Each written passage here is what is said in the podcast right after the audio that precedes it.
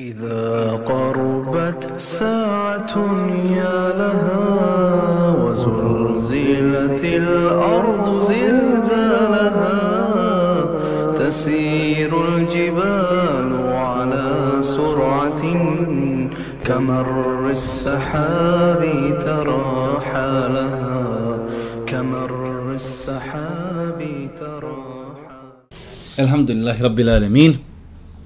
والصلاة والسلام على أشرف الأنبياء والمرسلين نبينا محمد وعلى آله وصحبه أجمعين رب اشرح لي صدري ويسر لي أمري واهل العقدة من لساني يفقه قولي Doista svaka zahvala pripada uzvišnom Allahu tebarek ve taala. Salavat mir i selam na Allahu poslanika Allahu milnika Muhameda alejhi salatu ve selam i učasnu porodcu za te sahabe sve ljude koji slijede put istine sudnjega dana. Uvaženi braćo, kao što znate, četvrtkom u projektu Čitaoni čitamo različite knjige. Čitali smo u posljednje vrijeme knjigu Vjerovanju u sudnji dan, autor Alija Salabija, a nakon završetka počeli smo čitati drugu knjigu Vjerovanje u Meleke. Nakon što je autor govorio o određenim osobinama Meleka, govorio je o imenima Meleka i nakon toga počeo je da tretira određena pitanja koja bi trebao da zna i poznaje vjernik samim tim i da vjeruje njih. Aliku selam Pa kaže autor na 85. stranici treće poglavlje umiru li meleki.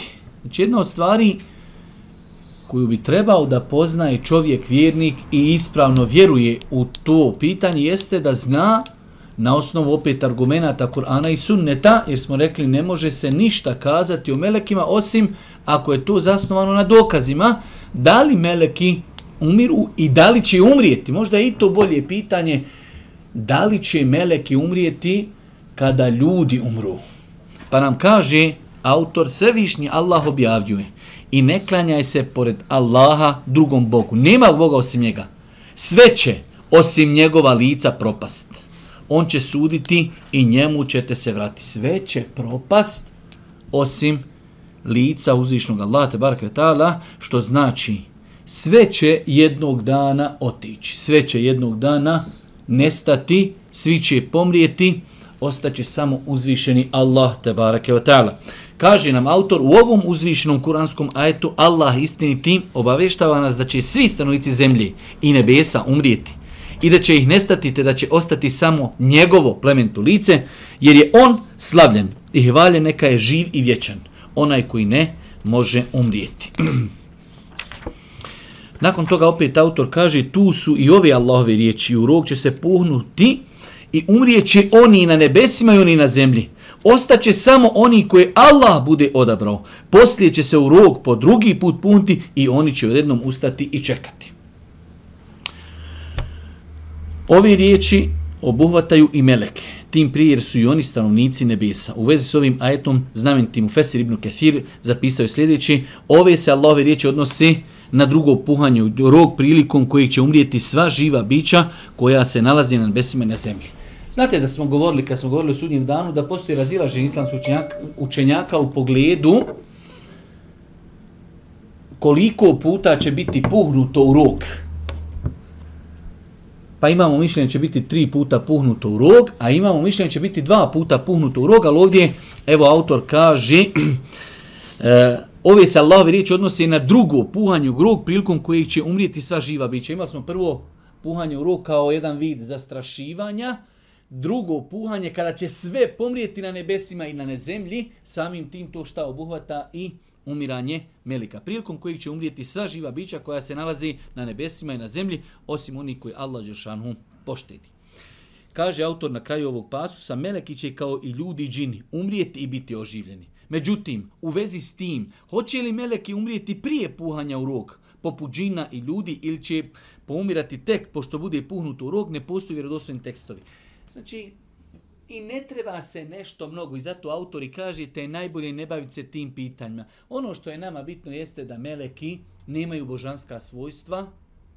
Uzvišeni Allah vječni je, živi je, sva njegova stvorenja će pomrijeti. Sada kada će meleki pomrijeti, to su neke da ih nazovimo finese za koji ne možemo naći jasne dokaze i ne treba se tim pitanjima sad nešto mnogo opterećavati, već su bitna ova krucijalna pitanja, vjerujemo da će i meleki pomrijeti.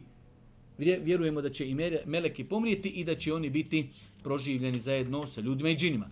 Nakon toga četvrto poglavlje, jedno interesantno poglavlje, i moram priznati da sam se i ja u datom momentu nekim stvarima malo iznenadio i koristio, da li, meleke, da li je meleke moguće vidjeti?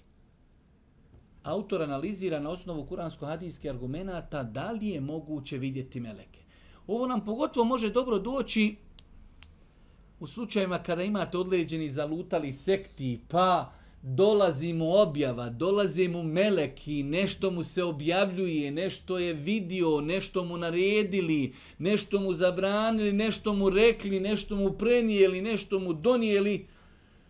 I to je jedno more bez dna. Kad počneš tu plivat, nema, dok nema tu kraja. Kad on počne navoditi šta li su mu donijeli, šta li su mu odnijeli. Pa je veoma interesantno pogled na ovo pitanje kroz prizmu šerijata, islama i argumenata. Autor, eh, hvala uzvišnom Allahu, evo do sad, sve što smo čitali doista obrađuje na jedan izuzetno precizan Znači, Čak vjerujte sam ja ovo pitanje, morao sam ga danas malo dodatno istraživati, čisto rekao nešto su mi neke stvari, moram i malo još podebljati. Kaže autor vjerskih tekstu ukazuju na to da je vjerovjesnik sallallahu selam, Džibrila ali selam vidio dva puta u liku kojim ga je svevišnji Allah stvorio. Pogledajte kako ide lagano tematski objašnjava stvar. Prvo kaže da ustvrdimo, jer je potvrđeno i rozvijem hadisma, da je poslanik vidio Džibrila. Pazite, znate koliko je puta Džibril došao Božim poslaniku za 23 godine? Koliko je kuranski ajeta, koliko je sura.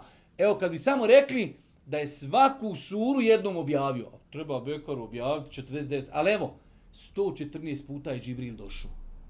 Kad bi sam rekli da je došao koliki je broj sura, A što misliš valja da se objavi Bekara, pa Ali Imran? Znači, Allah najbolje zna stotine, ako ne hiljade puta je Džibril došao Božim poslaniku. Samo od toga dva puta je ga vidio Božji poslanik u njegovom izvornom pravom liku.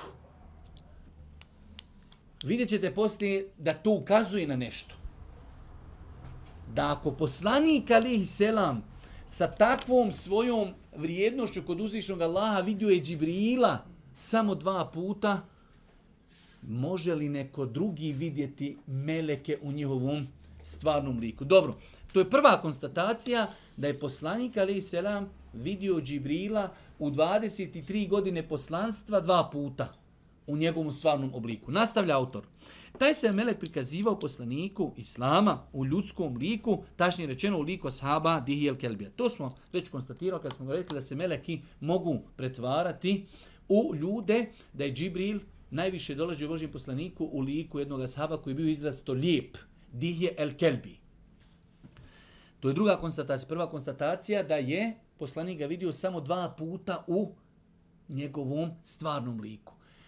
Nakon toga, dobro, ako ga nije viđao u stvarnom liku, kako ga je viđao? Viđao ga je u ljudskom obliku ashaba Dihje El Kelbija. Dobro, treća konstatacija. Ponekad bi Resulullah vidio Džibrila i s njime razgovarao u prisu, u prisu neke ashaba ili svoje žene, a oni njega ne bi vidjeli. Sa treća konstatacija. Znalo se desiti poslaniku dođe Džibril, on sa njim razgovara, drugi ga ljudi ne vidi. To je treća konstatacija da može biti situacija da Džibril dođe Kaže iši, evo, sjedim sa Džibrilom, razgovaram, ona ga ne vidi. To je opet treća konstatacija. Četvrta konstatacija, odnosno dokaz za ovo Aisha, ali on pripovije da joj je poslanik jedne prilike rekao, Aisha, evo Džibril te selami. Na što je ona odgovorila, neka su i njemu Allahu milost i blagoslovo, odnosno neka i na njega Allahu selam. Ti poslaniće vidiš ono što ja ne vidim. Ona njemu kaže. On viće, evo, Džibril te selami. Ona odgovara na selam, kaže, ti vidiš ono što ja ne vidim? Pa ima situacija da poslanik vidi Džibrila, a ljudi ga ne vidi. A ima šta? I obrnuto, da poslanik vidi Džibrila i da ga vide i ostali ljudi, kao što je bilo poznato u hadisu o Džibrilu, ali selam kada je došao i kada je pitao šta je islam, šta je iman, šta je ihsan. Kaži, neki put, znači nekada bi, ashabi radijallahu ta'ala anhum vidjeli bi meleka Džibrila u ljudskom obličju. Naime, u pouzdanoj preda, predanju kaže se da su ga vidjeli u liku mladića izrasto crne kose, i izrasto bijele odjeće. To je najpoznati hadis za kojeg su islamski učenjaci kazali da je temelj, majka hadisa, kao što je Fatiha, majka Kur'ana ili temelj Kur'ana, onaj hadis Džibrilov, kada je došao u, u liku crn, mladića, izrasto crne kose i brade, bijele odjeći, da je to najsveobuhvatniji hadis u islamu. Pa je, znači, u tom slučaju su ashabi vidjeli Džibrila u ljudskom liku, a vidio ga i Boži poslanik, ali sam. Pa ipak, potrebno je ljudima ukazati na to da se še, e sad autor lagano prelazi na neka druga pitanja, pa ipak potrebno je ljudima ukazati to da se šetan može prikazati u određenom liku i navesti čovjeka da vjeruje da mu se melek ukazao. Jedna od metoda zavođenja ljudi jeste da čovjeku dođe nešto. Kaže, ja sam melek, donosim ti salavate, ti si budući poslanik, tebi će se obja... I lik počni lepršat. Lik počni... Pazite, tu se možeš samo šta sačuvati? Znanje. Samo znanje. Samo znanje. Dođeš sutra ga vidiš, kaže, ti ćeš biti Isa alaih selam. Euzu billahi mne šeitani rađin, kakav ja i kakav Isa ali selam, i niste cestu. Ali imaš nekoga koji će on to doći kaže, jest, jest, pa jesam ja, jesam ja, znam ja, dedo je meni vas da viko mali, ličiš ti meni na nekoga, ali nikako ja skontam na koga ličiš. Ono, tek sam ja sad povezao šta je meni dedo govorio. Vas da sam ja imao te neke predispozicije da budem nešto veliko. I nasjedne lik i na internet, kamera, Mehdija. A za Mehdiju šta je se ljudi proglasilo čovjek? Svako 15-20 dana dole u Indiji neko se proglašava Mehdijom. Koji su čoveče Mehdije, ja rab. Kameru, Facebook, TikTok. Mehdi, dajte prisegu. Šeki ga napalio, ti si Mehdi, usnio san i eto te. Pa autor ovdje na jedan školski pismen način hoće da kaže ljudima može se desiti da se šeitan čovjeku prikaže koji kaže melek i onda insan zglajza ne moraš ga vratiti na džadu nikako. Prema doslovnom značenju uzvišenja kuranske ajeta i poslanika Hadisa Meleka je nemoguće vidjeti u liku kojim je sve mogući Allah stvorio. Ovo je veoma teška i jaka konstatacija da mi ljudi, baš smo zato i rekli, Poslanik je vidio Džibrila u njegovom obliku, pra, liku pravom samo dva puta. Nakon toga samo poslanici mogu meleke vidjeti u njegovom liku. Ne može insan svojim pogledom i svojim tjelesnim mogućnostima vidjeti meleka onako kako je stvoren. Kaže, naime, ako je vjerovjesnik, sallallahu sallam, vidio Džibrila u njegovom pravom liku samo dva puta, njegovom originalnom izgledu, zapanio ga je, Tad je preće i objektivnije kazati da meleke, osim poslanika Islama, niko ne može vidjeti u njihovom izvornom obliku. Meleki mogu, e sad imamo jednu drugu stvar koja se vezuje za ovo pitanje, kaže, meleki mogu biti blizu čovjeka toliko da osjeti njihovo prisustvo i posljedice tog prisustva, ali ih ne može vidjeti. Vidio si, čovjek dođe i sjedi i ti čovjek se razbolio. I vidiš ti čovjek umiri. Apsolutno znaš da je tu i melek, uzmemo dušu, a ti ga ne vidiš osjetiš posljedice njegovog djelovanja. Stoji čovjek, držiš ga ti, nakio ga sebi na, na, na, na, na prsa. I čovjek, ešhedun, la, la, la, i umri. Tu je melek. Melek mu uzima dušu. Ti ga ne vidiš. Pa kaže, melek, meleki mogu biti blizu čovjeka. Toliko da osjeti njegov prisutu i posljedice tog, ali ih ne može vidjeti. Baš kao što uzvišeni Allah kaže, a zašto vi kada duša do guši dopri, I kada vi budete tad gledali, a mi smo mu bliži od vas, ali vi ne vidite. Ali vi ne vidite. Melek smrti i njegovi pomagači prisutni su kad neko umiri. Kao što tu budu prisutni neki ljudi i vjernici pouzdano znaju da melek smrti vadi dušu tom umrlom, no ne vidi ga. Vide samo posljedice. Ok. O tome da je nemoguće vidjeti meleke govori da se u predajama koji prenosi Ebu Said, uh, od eh, Useida ibn Hudajra radijallahu ta'ala anhum je jedne noći učio Kur'an u sušari za datule. te je njegov konj poskočio. On je nastavio učiti, a konj je opet poskočio. On je i dalje nastavio učiti, a on je još jednom poskočio. Useid je kaza o. Uplašio sam da mi ne zgazi sina, Jahju, pa sam otišao do konja, a kad tam nešto poput lada iznad moje glavi. U ladu su bile kao neke svjetiljke. Znači čovjek je učio Kur'an, kako god bi on učio Kur'an, konj bi se uznemirio. Pa je otišao da vidi šta je, pa je vidio na kao neki oblak, neku hladinu na kojoj su bile neke svjetiljke. Zatim se podiglo prema nebu i više ga nisam vidio. Poranio sam do Allahu poslanika i rekao mu Allahu poslaničog sam kasno sinoć u svojoj sušnici učio Kur'an, odjednom mi je moj konj poskočio i tako dalje.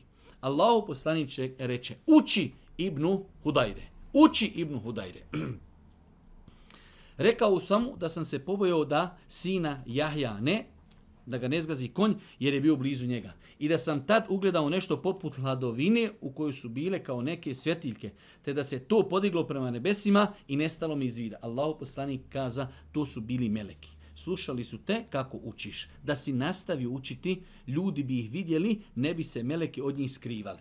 Ovo je moment gdje potvrđuje Boži poslanik da su meleki dolazili i da slušaju učenje Kur'ana. Ali imamo sada drugi hadis od Hanzali, radijallahu ta'ala, gdje je Boži poslanik spomenuo klauzulu kako bi ljudi mogli vidjeti meleke. Ali koji ljudi? Ashabi. Ovo je veoma bitno. Pa kaži, tu je predaj Hanzali, El Esedi, radi Allahom koji kazivaši. Bili smo kod Allahu poslanika, alaihi selam, i on nas je opominjao i podsjećao na vatru. Nakon toga otišao sam kući i smio se s djecom, zabavio sa ženom. Situacija, kaže, mi budemo kod poslanika i on nam govori o džennetu, o džehennem, ojačamo imanski. Pa onda kaže, odemo malo kući, pa malo žene, pa dunjalu, pa djeca, pa palme, pa dunjalu, komšije, problemi. Šta to? To utječe na insana da oslabi. Kaži, poslije sam išao iz stroje Bubekra pa sam mu to spomenuo. Na što on rekao, i ja sam postupio isto kao i ti. On je njemu kaže, Bubekre, nekako mi neugodno kad sam kod poslanika osjetim jak iman, čvrstinu. Kad odim dunjalu, osjetim da sam oslabio. Kaže Bubekr, pa i ja isto tako. Potom smo streli Allahu poslanika i ja sam mu se obratio Allahu poslaniće Hanzala je licemjer. Pogledajte, oni, u, u nas danas čovjek psuje Boga uzrećica. Ali da mu rekliš da je licemjer. A nije teor, brate, vadi čovjek dugu devetku i puca u tebe. Čuj licemjer. Ovi ljudi u sebe, uvijek u njih je bilo pravilo, počinju od sebe, sumnjaju u sebe, u nas ovaj nit klanja, nit posti, krade, kriminalac na to je, brate, srce čisto, duša, džamike, ko tamo sve ide, ono, kao on se druži sa kajmakom, sa elitom, nemoj kad idemo u džamiju, ko sve tamo ide, nemoj, brate, a ono, ko njega sve, e, kaže, on je to doživio tako, osjetio je malo, kad smo kod poslanika ovako, kad smo vam ovako, to je on nekako doživljavao, to je normalno, ono je to doživljavao licemjerstvo. Pa kaže, Hanzala je poslaniće licemir. on reče, uh, šta to pričaš? Ispričao sam o čemu se radi, na šta Ebu Bekr dodate. I ja sam postupio isto kao i on, poslanik, ali sam vam reče, Hanzala, čas ovako, čas onako. To je ta jedna termin u arabskom, kaj sa'atu sa'a. Pa, malo te ojača iman, malo oslabi, pa malo ojača, pa malo za dunjalu, pa malo za ahiret, pa malo za uđamiju, pa malo datule, pa malo žena, pa malo noći namaz. I to je taj dunjalučki život kako je Boži poslanik odgajao ashabe. Niti jedno, ni drugo. Vego, malo tamo, malo vamo. Kaži, čas ovako, čas onako. Kad bi vaša srca bila uvijek u stanju, kao kad se prisjećate ahireta, meleki bi se s vama rukovali i selamili bi vas poputaju sad ako vi bi mogli izdurati da budete takvi kak ste kod mene uvijek, toliko bi bilo blagostajne zemlje da je meleci odali selam, ali i kaleknu selam. Ali to nisu, ko nije ispunio? Nisu mogli ispuniti asabi. Na osnovu ovog hadisa kažu učenja, ne mogu ljudi vidjeti meleke, jer je nemoguće biti na tom levelu 24 sata. Nisu mogli, Ebu Bekr nije mogu. Pa je ovaj hadis jedan od dokaza da ljudi na Dunjaluku ne mogu vidjeti. Zato kaže autor, iza nevedenog hadisa zaključujemo da bi ljudi mogli vidjeti meleke kada bi njihovo vjerovanje bilo ravno vjerovanju ashaba radijal, dok su slušali poslanika kako ih je posjeću na hiret. Da ti bude imam ko ashaba i da na to ustraješ i poslanik ti drži ders i on ti ojaču ima. Tako da znači viđenje melika u njihovom stvarnom liku je na Dunjaluku nakon poslanika nemoguće.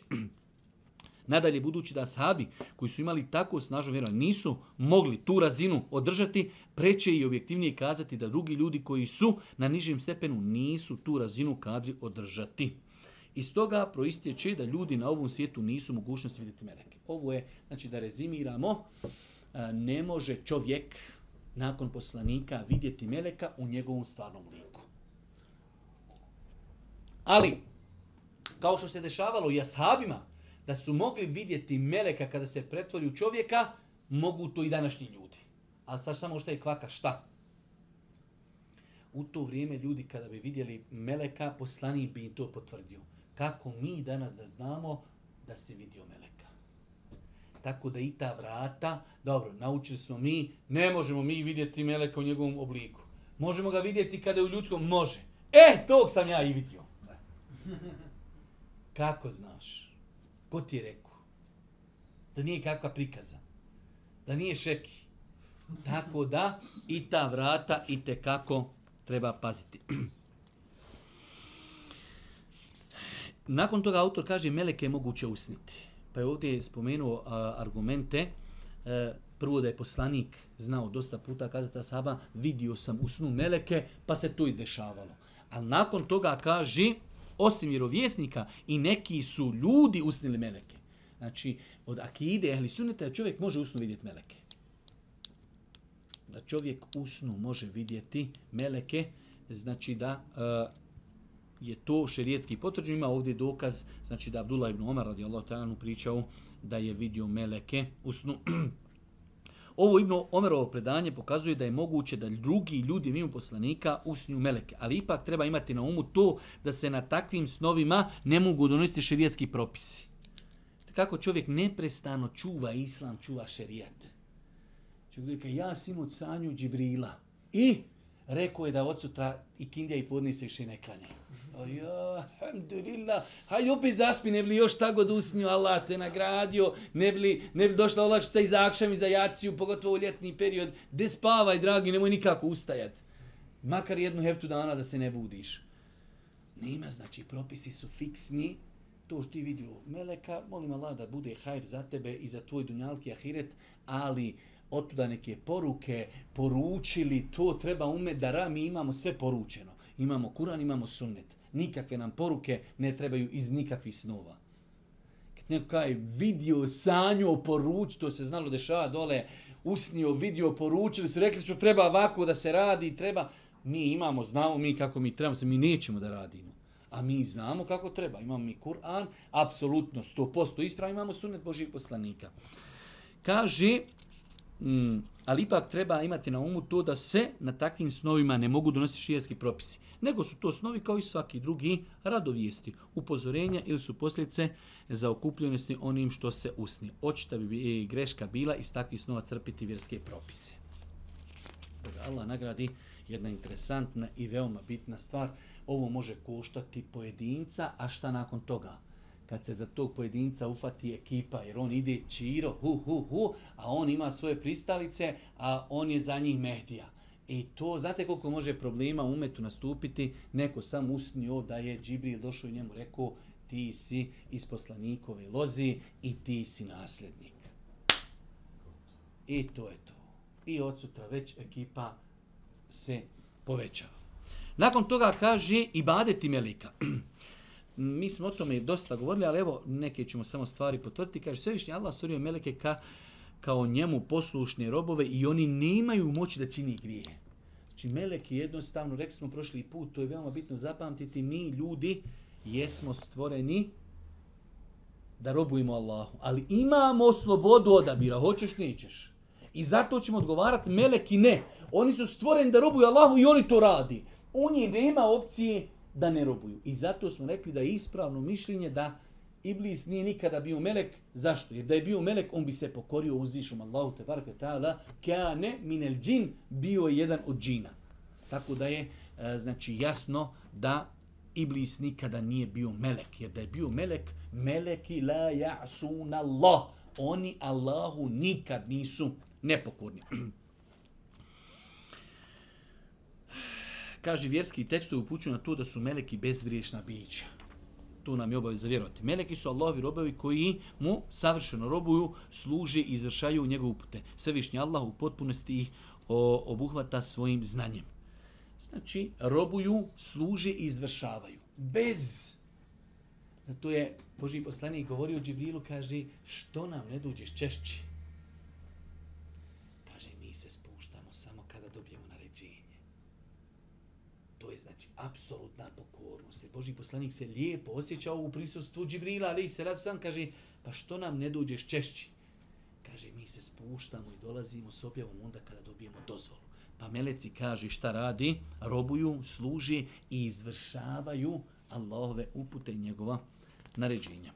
Navešćemo ovdje samo neke ibadete koje čini meleki, nećemo se mi nešto mnogo oko toga zadržavati, ali lijepo znati, meleki vjeruju Allaha potpuno i savršeno. Svjedoči da nema drugog Boga osim njega, potičinjeni su mu, vjeruju u njegova lijepa imena i savršene atribute. Što je ovo bitno? Bitno je da spominimo kao pohvalu, najveću pohvalu jeste da su meleki vjernici. Vjeruju u Allaha, znaju zašto su stvoreni i robuju Allahu subhanu wa ta'ala. Pa je najveća odlika, tako kako i na Dunjalku, za insana kažeš vjernik.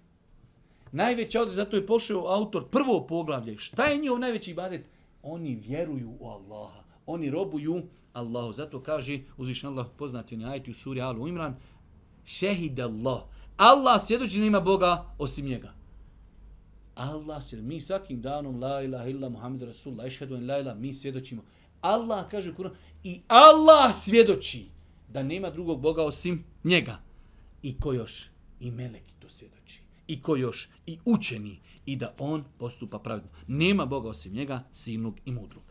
Pa su meleci ti za koji Allah spomenu da svjedoči da nema drugog Boga osim Allaha, da su oni vjernici. Pa je tu spomenuo još dosta argumenta, nemamo potrebe da dužimo. Drugo, druga poglavlje, slavljenje uzvišnog Allaha. U Kur'ani, El Kerimu i Hadisu e, često se u različitim oblicima navodi da meleki slavi Allaha istintu. Navišćemo samo neke od tih oblika. Nešto ćemo samo spomenuti. Znači, jedan od ibadeta, prvo jeste ibadet, najveći ibadet vjerovati u Allaha. Drugi ibadet jeste da su meleki zaokupirani slavljenjem uzvišenog Allaha, te barake ta'ala. Pa kaže, prvo meleki Allaha sveznajućeg besprekidno slavi.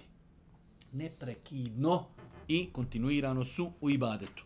E, želim samo neke stvari da ovdje kratko nećemo se mnogo zadržavati, da dođemo do nekih stvari koji su nam išala praktično potrebne.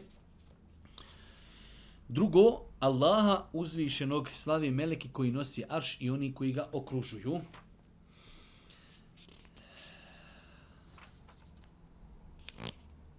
Treći, sveznajući Allah hvali meleke zato što ga veličaju. Allah hvali meleke, spominje ih u pozitivnom kontekstu zato što se opisuju svojstvom veličanja Allaha. Šta to nama donosi korist? Ako želiš da budeš kod Allaha spomenut i priznat u pozitivnom kontekstu, onda treba da veličaš Allaha. Nažalost, ja garantujem da možda jedno od 95% muslimana planete, kad im rekao, dobro, hajde, većina naša znači, alhamdulillah, hvala Allahu. Allahu ekber, Allah je najveći. Kad rekao šta znači subhanallah? Ono koje mi svaki put posle namaza subhanallah, subhanallah, subhanallah, subhanallah, subhanallah, subhanallah, subhanallah, subhanallah, i eto ga sam. Šta je to sam? Šta znači subhanallah? Subhanallah znači neka je veličanstven, uzvišeni Allah, savršen, potpun, bez ikakvih mahana. Kad god rekneš subhanallah, time si ti kazao, veličanstven, neka je Allah savršen i potpun koji nema nikakve mahani. To ti je sažetak riječi subhanallah. Svaki put kad kažeš subhanallah, ti si time potvrdio savršenstvo uzvišenog Allaha od bilo kakve mahani.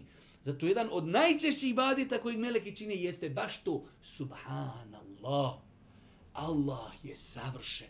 Allah je potpun. I zato, zato ih Allah zbog toga spominje u pozitivnom kontekstu i hvali zbog toga. Četvrtu meleki Allah slavi zbog njegovih riječi i presudi. Znači, meleki slavi Allaha zbog onoga što objavi, zbog onoga što naredi.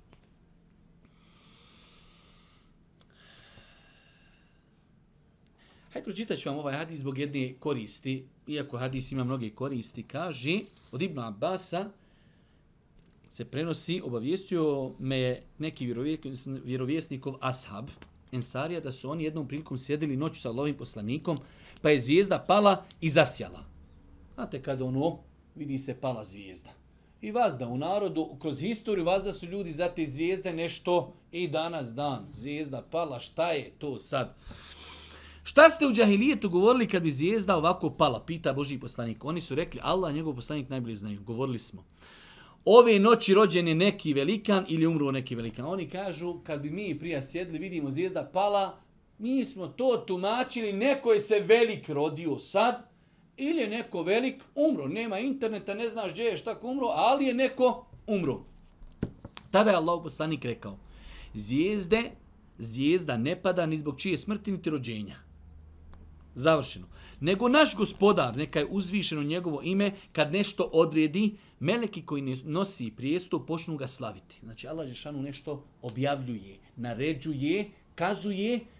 Meleki koji nose arš, uzhićeni su slušanjem Allahove objavi, pa ga počnu pa ga počnu veličati. Zatim ga počnu e, slaviti stanovnici neba koji slijedi. Prvo ga veličaju oni koji nosi arš, Pa onda sve meleci niže, niže, niže dok dođu do dunjalučkog neba. Kaže, zatim meleki koji se nalazi do nosilaca arša, e, e, ne, ne, malo smo preskočili, zatim ga počne slaviti stanovnici nebesa koji slijede i sve tako dok to slavljenje ne dopre do stanovnika zemaljskog neba. Zatim meleki koji se nalaze do nosijaca Arša upitaju nosioca Arša šta je rekao vaš gospodar? Prva stvar znači kada meleki čuju Allahu odredbu, veličaju Allaha od Arša do Dunjalučkog neba. To je prva stvar. Nakon toga počinje razgovor, pitaju meleki meleke koji nose arš, šta je to objavio? Šta je naredio naš gospodar? A oni obavijesti onome što je rekao, tako stanovnici nebesa jedni drugima ispituju o toj Allahove nadrobe, sve dok vijest ne stigne do zemaljskog neba. Pa je džini krišom čuju i ugrabe. E ovo je kvaka. To što Allah objavio prenose meleki jedni od drugih dok dođe do onih meleka do dunjalučkog neba. E, tu dolaze šetani, dolaze do dunjalučkog neba, slušaju i nekad uspiju nešto i čut. I onda ide šta? Ide zvijezda, gađa, spaljuje, ali oni su spremni žrtvovat sebe da čuju. Pa to prenose šetanju ispod sebe. E sad, to što su čuli je apsolutna istina. Ali kaže, Allah u drugom hadisu, kaže, ali oni sa tom istinom još dodaju stotinu laži i to ode. I zato vidiš kaj je ovaj, jednom ga se kaže sjetio. Je sjetio se jednom, ali to je, ali to njemu i dobro ide. Ta jednom on kupi ljude. I onda šta god im rekli, pa kaj sjetio se ligba, sjetio se, pa nam oni mu kazali i onda on sto laži i usto proturi. Kaj, sjetio je se jednom, brate, rekao je, to je bilo kako je on rekao. A nam oni mu kazali i onda on potlašto toga proturi šta god hoće. Pa je došlo u vjerodostom hadisu, kaže, pa oni, sihribazi i ostali koji radi sa džinima i šetanima, uz tu istinu koju su čuli, zbog koje je neko izgorio i pogino, oni uz to još stotinu laži dodaju. Kaže, zbog toga bivaju gađani ovim zvijezdama. Ako je prenesu onakvu kakva jeste, istina je, ali oni u nju miješaju laži i od sebe još dodaju došlo je znači rivajetu stotinu laži da dodaju. Ali je pojenta, pojenta je ovdje e, ovog hadisa, ovo je meni bilo interesantno da spomenim, kako, pa je neka ljubav, sjetio se. Sjetio se zato što sarađuje sa Anamo njima. Ali on uz to upakuje još stotinu laži, a hadis je citiran zbog čega? Zbog slavljenja Allah. Znači kada uzvišnji Allah nešto objavi, nosioci arša počnu da ga veličaju i slavi, pa se to slavljenje prenese sa neba na nebo sve do dunjalučkog, do dunjalučkog neba. Ovaj hadis dokazuje da meleki slavi Allaha kad nešto odredi i tako dalje. Kaži, peto meleki razgovaraju s Allahom, meleki razgovor sa Allahom počinu slavići ga. Subhanallah. Meleki kad hoće razgovarati sa Allahom, prvom kažu, subhaneke, neka si veličanstven i uzvišen, o gospodar, i onda nešto nakon toga reknu. Početak razgovora meleka sa gospodarom, Allahom subhanahu wa ta'ala, biva sa subhaneke. Neka si veličanstven. Zato Allah Žešanu kaže u suri Al-Bekara, i pouči on Adema uzvišen. Allah naziva stvi stvari. A onda i predoći melek me reče, kažite mi, mi, kažite mi nazime njihove. Ako istinu govorite, slavljen neka si, oni rekoši. Allah podučio kada je Adima stvorio, naučio ga kako se stvari zovu na dunjalku. I onda Melek kaže, znate li kako se to zove? Oni ne znaju, onima nije teško reći da ne znaju. Ali prije toga kažu subhaneke. Kaže, neka si ti veličan, mi imamo znanje ono koje nam ti dadiš. Ono što nas ti nisi podučio, mi to i ne znamo. Ali pojenta da toliki respekt i badet prema gospodaru imaju da prije nego što odgovori, oni započinju neka si veličanstven, uzvišeni gospodar.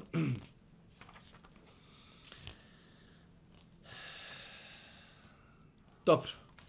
Nakon toga nam autor kaže, e, rekli smo, meleki vjeruju Allaha, meleki veličaju Allaha, treći ibadet jeste upućuju dove za vjernike. Velike, vidite vi na dunjalku kad imaš čovjeka pobožnog ili nekad neko ošao na umru, šta ti padne na pe? Brate, nemoj me zaboraviti u dovi. Kaj evo me kod Kjabi, brate, sjeti me se u dovi. Zašto? Zato što je to ambijent, vrijeme, Kjaba, ili vidiš čovjeka pobožno, kaže, molim te uputi za mene dovu, bolesna mi mama, bolesna mi ba, i tako dalje. Šta mislite onda, šta znači kad za insana dovu upućuju meleki koji neprestano Allahu ibadeti? Zašto mu govorim? Govorim koliko je bitno i pametno znati ta dijela za koje meleki, za njihove počinjuce, dove Allahu te barketala. Pa kaže autor, početak je uzvišeni kuranski ajti i poslanikova hadisi ukazuju na to da meleki za vjernike upućuju dove. Bez obzira na to radilo se o općentoj dovi ili posebnoj dovi. Znači, imamo dvije vrste dove meleka za ljude. Imamo da dove za ljude koji vjeruju. I to je dova najsveobuhvatnija. Svi ljudi koji vjeruju, obuhvaćeni su tom dovom. Ali imamo specijalnu, posebnu dovu koju oni upućuju posebno za počinjuce određenih tijela, pa će nam autor tu ovdje ispomenuti. Kaže, na to da meleki za vjernike upućuju općentu dovu, ukazuju riječi Allaha, on vas blagosilja, a i meleki njegovi, da bi vas istmina na svjetlo izveo. Kaže, on vas blagosilja, ali vas blagosiljaju i meleki. Tumačeći ove Allahove riječi, Imam Ibn Kathir zapisao je, meleki ljude blagosilju tako što upućuju dovu za njih i mole Allaha da im oprosti grijehe. Kad se kaže, znači, meleki nekog blagosiljaju dove za čovjeka da mu Allah oprosti grijehe. A na to da meleki za vjernike upućuju posebnu dovu, to jest dovu za određena e, dobra dijela, ukazuju vjerski tekst. Sad će nam autor spomenuti nekoliko e, dobrih dijela, za čije počinjivce meleki čine istigfar i dovi za njega, a nakon toga obrnuto. Kao što meleki za nekog dovi, nekog i proklinju. Pa je najveća počast potpasti pod veliki taj krug vjernika, kako bi bili obuhvaćeni dovom meleka, ali isto tako, najšire proklijestvo meleka je šta? Suprotno vjerovanju, nevjerovanje. Jer vidjet ćete jasne kuranske ajete, meleki proklinju i dovi protiv nevjernika. I zato je taj naš rahmet i milost prema nevjernicima i želja da prime islam. Nekad ljudi kaže, muslimani su arogantni, grubi. Grub zato što želi da se spasiš. Ne kažemo da je ispravno biti grub. Ali zamisli sad čovjek nosi dole miljacka, na, naišla neka popla i čovjek uletio. Ti ga lapiš za kosu, izvuč kaj prate, pa puti go sme za kosu. Pa puti go te te izvadim, Allah te uputio, tri dana će te bol kosa i četiri dan neće. Ali smo te izvadili. Tako i muslimani nekad hoće da nekog spasi, pa ga lapi za kosu malo. Ali želi da ga spasi. Ali džaba ova iće imao sam presađivanje kose, počela sam, brate, iščupao si mi kosu, njemu je bitnija kosa od toga što se njega izvedio iz Miljetske. Nek se mi pustio da mi frizura ostane dobra. Od frizuru! Evo sad ću ja gurnt i još ću na te bure stav da te slučajno ko ne bi vidio da ti izvuče za tu tvoju čelavcu. Pa je vjerovanje muslimana, a na to se nekad ne muslimani ljuti, da svi ljudi koji su čuli za vjeru islam, čuli za Kur'an, čuli za sunne, čuli za Muhammeda, ali se i nisu povjerovali, umrli na tome, da će vječno u džehennem. Ovo je iz ljubavi prema njima, da se spasi. To je nama obaveza kazati, to je emanet koji smo ponijeli. Kaže, vi isključivi. Nismo isključivi, želimo da se spasiš. Vjeruješ, hoćeš bujrum, nećeš, imaš slobodnu volju ali ćeš biti spreman i da odgovaraš za posljedice svoje slobodni volji. Pa kaži, znači, e, meleki imaju općenitu dovu gdje dove za vjernike, imaju općenitu dovu gdje dove protiv nevjernika i proklinju ih. A rekli smo, kao što je počas da potpadneš pod ovu Allahovi nepogrešivih stvorenja i opasno je da protiv tebe dovi Allahova nepogrešiva stvorenja. Jer vidio se na Dunjalku, kaže, dovio protiv njega neki pobožnjak, pa se primila dova. E tako isto kada meleki dove protiv nevjernika. pa kaže, prvo dijelo, traganje za vjerskim znanjem. Jedno znači od dijela za čijeg počinjuca dovi meleki jeste kad čovjek krini i šerijatsko znanje. Ali uvijek me fascinira govor učenjaka u ovom hadisu kad kaže ko se zaputi na put radi sticanja znama, Allah će mu olakšati put ka džennetu. Prva stvar. Vidite, ovdje, ovdje, Allah mi fascinantno. Nije rekao ko kreni, pa ostane 20 godina, pa uči, pa nauči, pa postane alim, pa... Ne. Men seleke tarikan jel temisu fihi ilmen. Sam čovjek krenuo tim putem. Allah mu zbog toga olakšava put ka džennetu džennet, znači da je rečeno, vjerujte, ko krene putem, pa ostao na tom putu jedno 30 godina, i to dobro zapeo, Allah će mu zbog toga olakšati, ja, to je po meni i te kako u pogledu šta je džennet opravdano. Ne! Dovoljno sam da čovjek krene putem sticanja znanja. Potpada pod kategoriju ljudi kojima će Allah olakšati put ka džennetu. Ko se zaputi na put rati sticanja znanja, Allah će mu olakšati put koji vodi ka džennetu. I sad, nagrada. U istinu meleki podastiru svoja krila onome ko traži znanje, zavodo, zadovoljni zbog toga što on čini. Kad čovjek krini i znanje, krinu čovjek na predavanje, meleki stavljaju svoja krila pod njegove noge, da potom i hoda i zadovoljstva što ovaj skonto gdje treba da ide i kaži, a oprost za učenja, e ovo je sad već kategorija. Oprost za učenjaka traži sve ono što je na nebesima i na zemlji. Pa čak i ribe u vodi. Dođeš dole u bazin, ja kaže, pastrnke, ti, ti gledaš tava, kol može, li će li visi trije, pljevo ili desno, a ona dole pliva i istigfar čini za učenjake. A ti u njoj vidiš ručak. Prednost učenjaka nad pobožnjakom poput je prednosti mjeseca nad zvijezdama. Vidite, po, veoma je teško biti pobožnjak. Evo dajte mi sad nekog čovjeka kažeš, evo ovaj brat je pobožan. Znate li vi ko pobožan? Koliko znate ljudi pobožni? O, evo, onako, ozbi, sad da ja kajem, koliko znaš ljudi pobožni? Ko ti je pao na pamet? Imaš li koga ti je pao na pamet? Malo je ljudi pobožni. Ti kažeš, ovaj lik, brate, ovo, ovo, ovaj lik je pobožan u džami, zikri, uči Kur'an, u džuma, prvi saf, uvijek, uvijek, to je pobožan. E, Taj kojeg mi nemamo. Evo ja, meni se, ja kakav je pobožan, ja se nikoga ne sjetim. Da Allah oprosti. Ja, vjerujte, ja ne znam nikog pobožnog.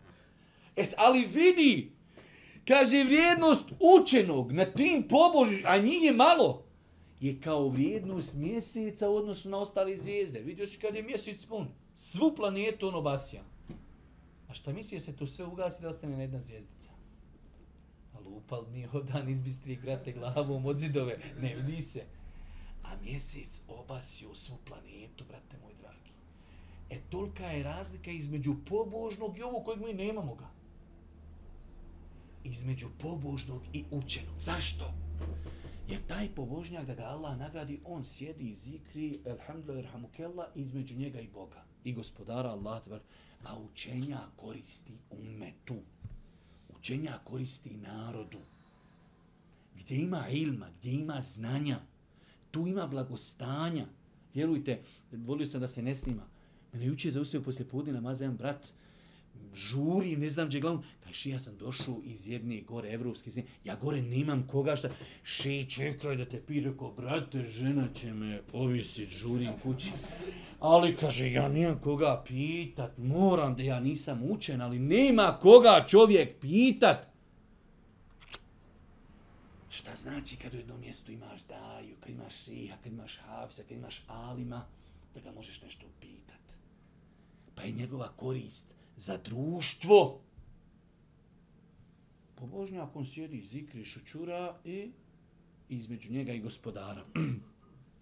Kaže Allah poslanik nastavlja, učenjaci su nasljednici poslanika, a poslanici u nasljedstvu nisu ostavljeni zlatnike i srebrnjake, već su ostavljali znanje. Pa koga usvoji, dobio je ono što je izuzetno vrijedno. To su, oni su naslijedili od poslanika. Poslanici ništa od Dunjaluka nisu ostavljali. Ostavljali su, prenosili su ljudima znanje od uzvišnog Allah, te barka kvetala. Kaže, i tu je drugi hadis, Allah i njegovi meleki, stanovnici nebesa i stanovnici zemlje, pa čak mrav u svome mravinjaku.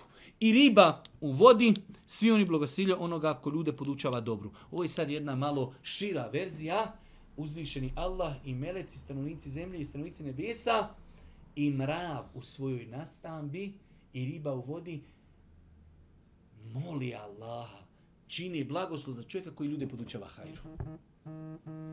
Na velika kategorija da se insan trudi, danas je to toliko olakšeno, samo ljudi je teško danas uzeti hadis i na enter poslati svim ljudima, nek pročitaju svaki dan po jedan hadis, jedan ajet, propis, video, klip i tako dalje. Kaže drugo dijelo, drugo dijelo koje čijeg počinioca melek blagosiljaju, čekaj namaza u džamiji. Jedan je kako zapostavljen sunnet kod nas. Vjerujte, evo ja preko ljeta, po nekim svojim parametrima, kako je kod Arapa to malo više zastupljeno. Kod nas, evo dole Fatova džamija, to je onako poprilično po meni ozbiljan džemat i ozbiljna džamija i tu ako hoćeš u prvi saf moraš doći jedno pola sata ranije.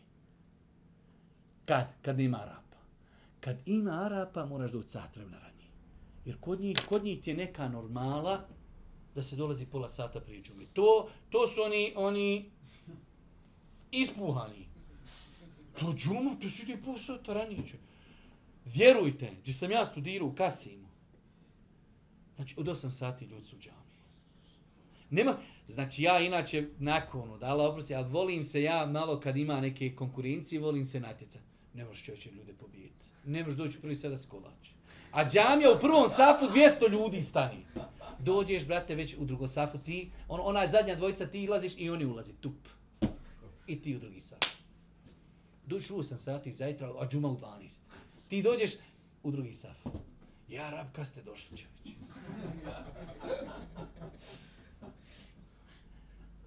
Znači, to je jedan zapostavljeni sunnet da čovjek iščekuje namaz. Ošao čovjek 15 minuta ranije, ja znam, zato što u jedan podne i 15 dana kaže, kućeš. Ono, opsaj, halo, ode u opsaj, ću, vraćajte. Kako te uđe, dok i tamam, dok dođem gore, znam za uče, tu, u, ja nisam došao ušte ranije. Ali to nema, kaže, kuš ranije. Pa jedan od sunnita koji su zapostavljeni da čovjek iščekuje namaz.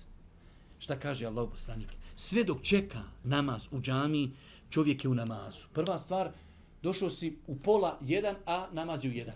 Od pola jedan do jedan ti si u namazu. A ti sjediš u džami. Kaže poslanik, ti si u namazu. Sve do ga iščekuješ. Druga stvar. Melek iza takvog moli. Allahu oprosti mu, Allahu smiluj mu se. Dok se ne uradi jedno, dvije stvari. Sve dok se, kažem, dok ne ode ili dok ne izgubi abdest. Čovjek izišao, otišao, oni, ti izlaziš i oni prestaju doviti. Ti sjediš, oni dovi za tebe. Treća stvar, popunjavanje safova. Jedna od stvari koja je i kako draga našim gospodaru i za nju se većajna jeste popunjavanje safova. Da muslimani popunjavaju safove. Pričali smo nedavno, nekim ljudima je korona bila uz sve što je bila bolest, ali im je bila rahatluk. U koroni su mogli klanjati rašireni safova. Alhamdulillah, ono ko prija kad smo bili djeca, pa ajmo kaže da ne mora niko od nikog dodirnuti. I, e, ne moraš me dodirnuti rukom. E, jes mi široko, ja, rab što ljudi mogu, a to sam šetan tako uljepša. Či ima ljudi, ti dođeš u safu i ti sad ideš ono lagano, se njemu primjekneš na cent. Kad te lik pogleda, ti ako nisi jučer vetar, jučer, jutarnji večerni zikr, ne možeš ti na nogama ostati. Koja je to mržnja i zloba? Kuće svemu do mene. Ljudi tamo od mene. Onda može da ga nije stigao mi tebe griznu. A? Kuć na mene. Brate, deto, samo, e vidi, dodirni ću te evako. No, dodiraj me, struja. Ko ti si provodnik struje, nemoj da me dotaku. Pa Boži poslanik obećava nagrade za ljude koji pa treba, ne treba preterivati. Mi znamo, mi smo, uh, ona, to je naša ta balkanska vjetrometina i naš balkanski mozak.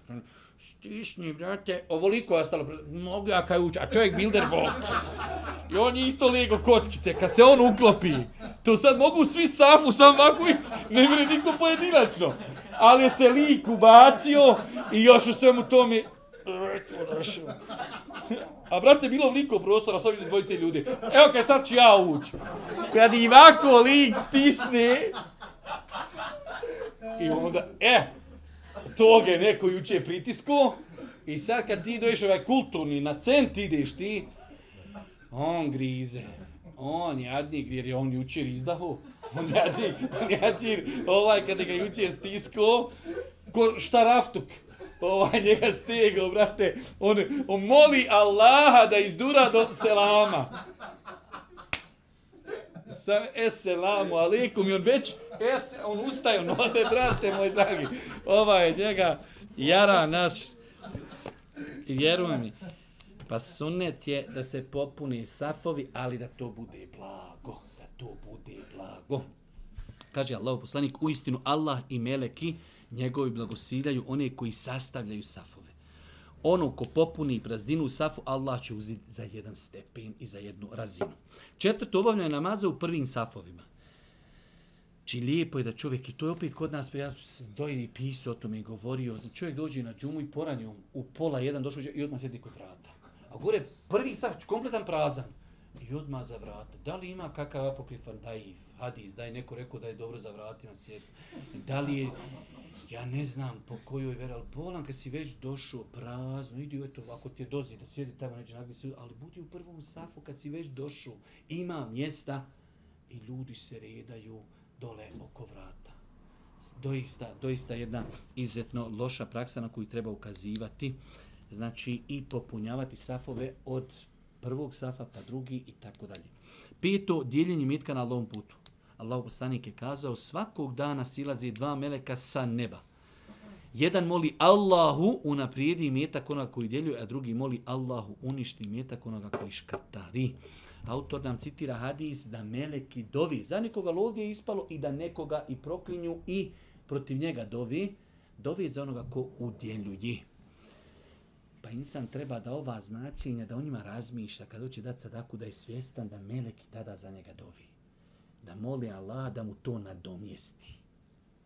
A blago insanu, ono mi koji, za kojeg dovi meleki, da mu Allah nadomjesti ono što je udjelio. Šesto donošenje salavata na Allahog poslanika, ali letu selam, kaže o tome hadis svakog muslimana koji na mene donese salavat, meleki blagosiljaju sve dok salavate donosi. Pa neka čovjek se rukovode time, neka to radi malo ili mnogo. Sve dok ti donosiš salavate i meleki donosi na tebe salavate. Pa sad koliko hoćeš, hoćeš povećaj, hoćeš smanji. Ako ti u interesu da budeš u dovama i blagosiljanju meleka, povećaj. Ako ti to kao ne znači mi to ništa, onda nemoj, onda budi na Whatsappu, budi na Viberu, radi šta hoćeš. Ako ti je tu interes, ako misliš da je to velika stvar, onda to i radi. Sjedmo konzumiranje sehura. Kazao Allah poslanik, doista Allah i melek i njegovi blagosiljani oni koji sehuri. Znači, insan ako hoće postiti lijepo i pa onda ustani na sehur, pa makar nešto i maleno, da popije vode, da nešto pojede, ali da, da ustani na sehur, imajući na umu ovi riječi. E, osam, kaže pripremanje iftara postaču. Ali ovo greška. Ne znam kako je promaklo u štampanju knjige, ali ćemo to inšal nekad popraviti. Jer sad ćemo čuti hadis. Kaže, osmo, pripremanje iftara. Da vidimo ima li u hadisu pripremanje iftara. Kaže, Ummu Amara, kazuje da je posjetio, e, da ju je posjetio vjerovjesnik sallallahu alejhi ve mu je ponudila hranu. On joj je rekao, jedi i ti na što je ona kazala, ja postim. Znači, poslanik je posjetio jednu ženu, pa mu ona donijela hranu. Kaže poslanik, pa hajde jedi sa mnom, kaže, ja postim. Dobro. Pa kaže na to Allah poslanik, meleki blagosiljaju postača kod kojeg drugi jedu sve dok ne završi sa jelom. Ima li gdje ovdje pripremanje iftara postaču? Nigdje. Pa je ispravno, sam se vratio danas na arapsku verziju knjige, osmo je za koga meleki blagosiljaju, blagosiljaju osobu postača u čijem prisutu se jedi. On jadnik posti, drugi jedu. On se radi Allaha strpio, ovi se oblizuju, zezaju se, čupaju meso, jedu, on šuti. Iako hadis u pogledu ovoga je, znači, postoji razilaženje da li je vjerodostan ili nije, ali kad bi rekli da je vjerodostan hadis, ovo ovdje je neispravno, znači nije za pripremanje iftara postaću, već meleki blagosiljaju osobu u čijem prisustvu se jedi, a on postać. On postać. Devetu. Učenje dove za bolesnika, odnosno za umrlog. Deset učenje dove za brata muslimana. Znači jedno od dijela koji možemo pridobiti dovu meleka jeste da dovimo za brata muslimana. Ebu Derda radi Allah kazuje da je Allah poslanik rekao kad god bilo koji musliman moli za svog brata u odsustvu, melek na tu dovu uzvraća Allah ti isto toliko dao. Kad god čovjek dovi za brata, kad se kaže ovdje u odsustvu, čak se kažu učenjaci misli može čovjek biti pored tebe, ali ne zna da ti za njega doviš. Mora, sad čovjek mora otići do Minhena minimalno pa da ti za njega doviš. Mora stajati pored tebe i ti za njega doviš, on ne zna da ti za njega doviš, ti potpadaš pod riječi Meleka i tebi amin i tebi isto amin na tu dovu tvome bratu i tebi isto. Znači Melek dovi tebi isto to što si ti tražio svome bratu i 11. možemo navesti to da će Meleki na obje strane sirat čuprije moliti gospodara da spasi vjernike. Znači došlo je vjerodostojno hadisima da će meleki biti na sirat čupri i molit će Allaha da olakša vjernicima prelazak preko sirat čupri. Allaha te barek ve ta'ala molimo da nam olakša prelazak preko sirat čupri. Subhanak Allahum da bihamdike šedun la ilaha illa anta ve etubu ilaik.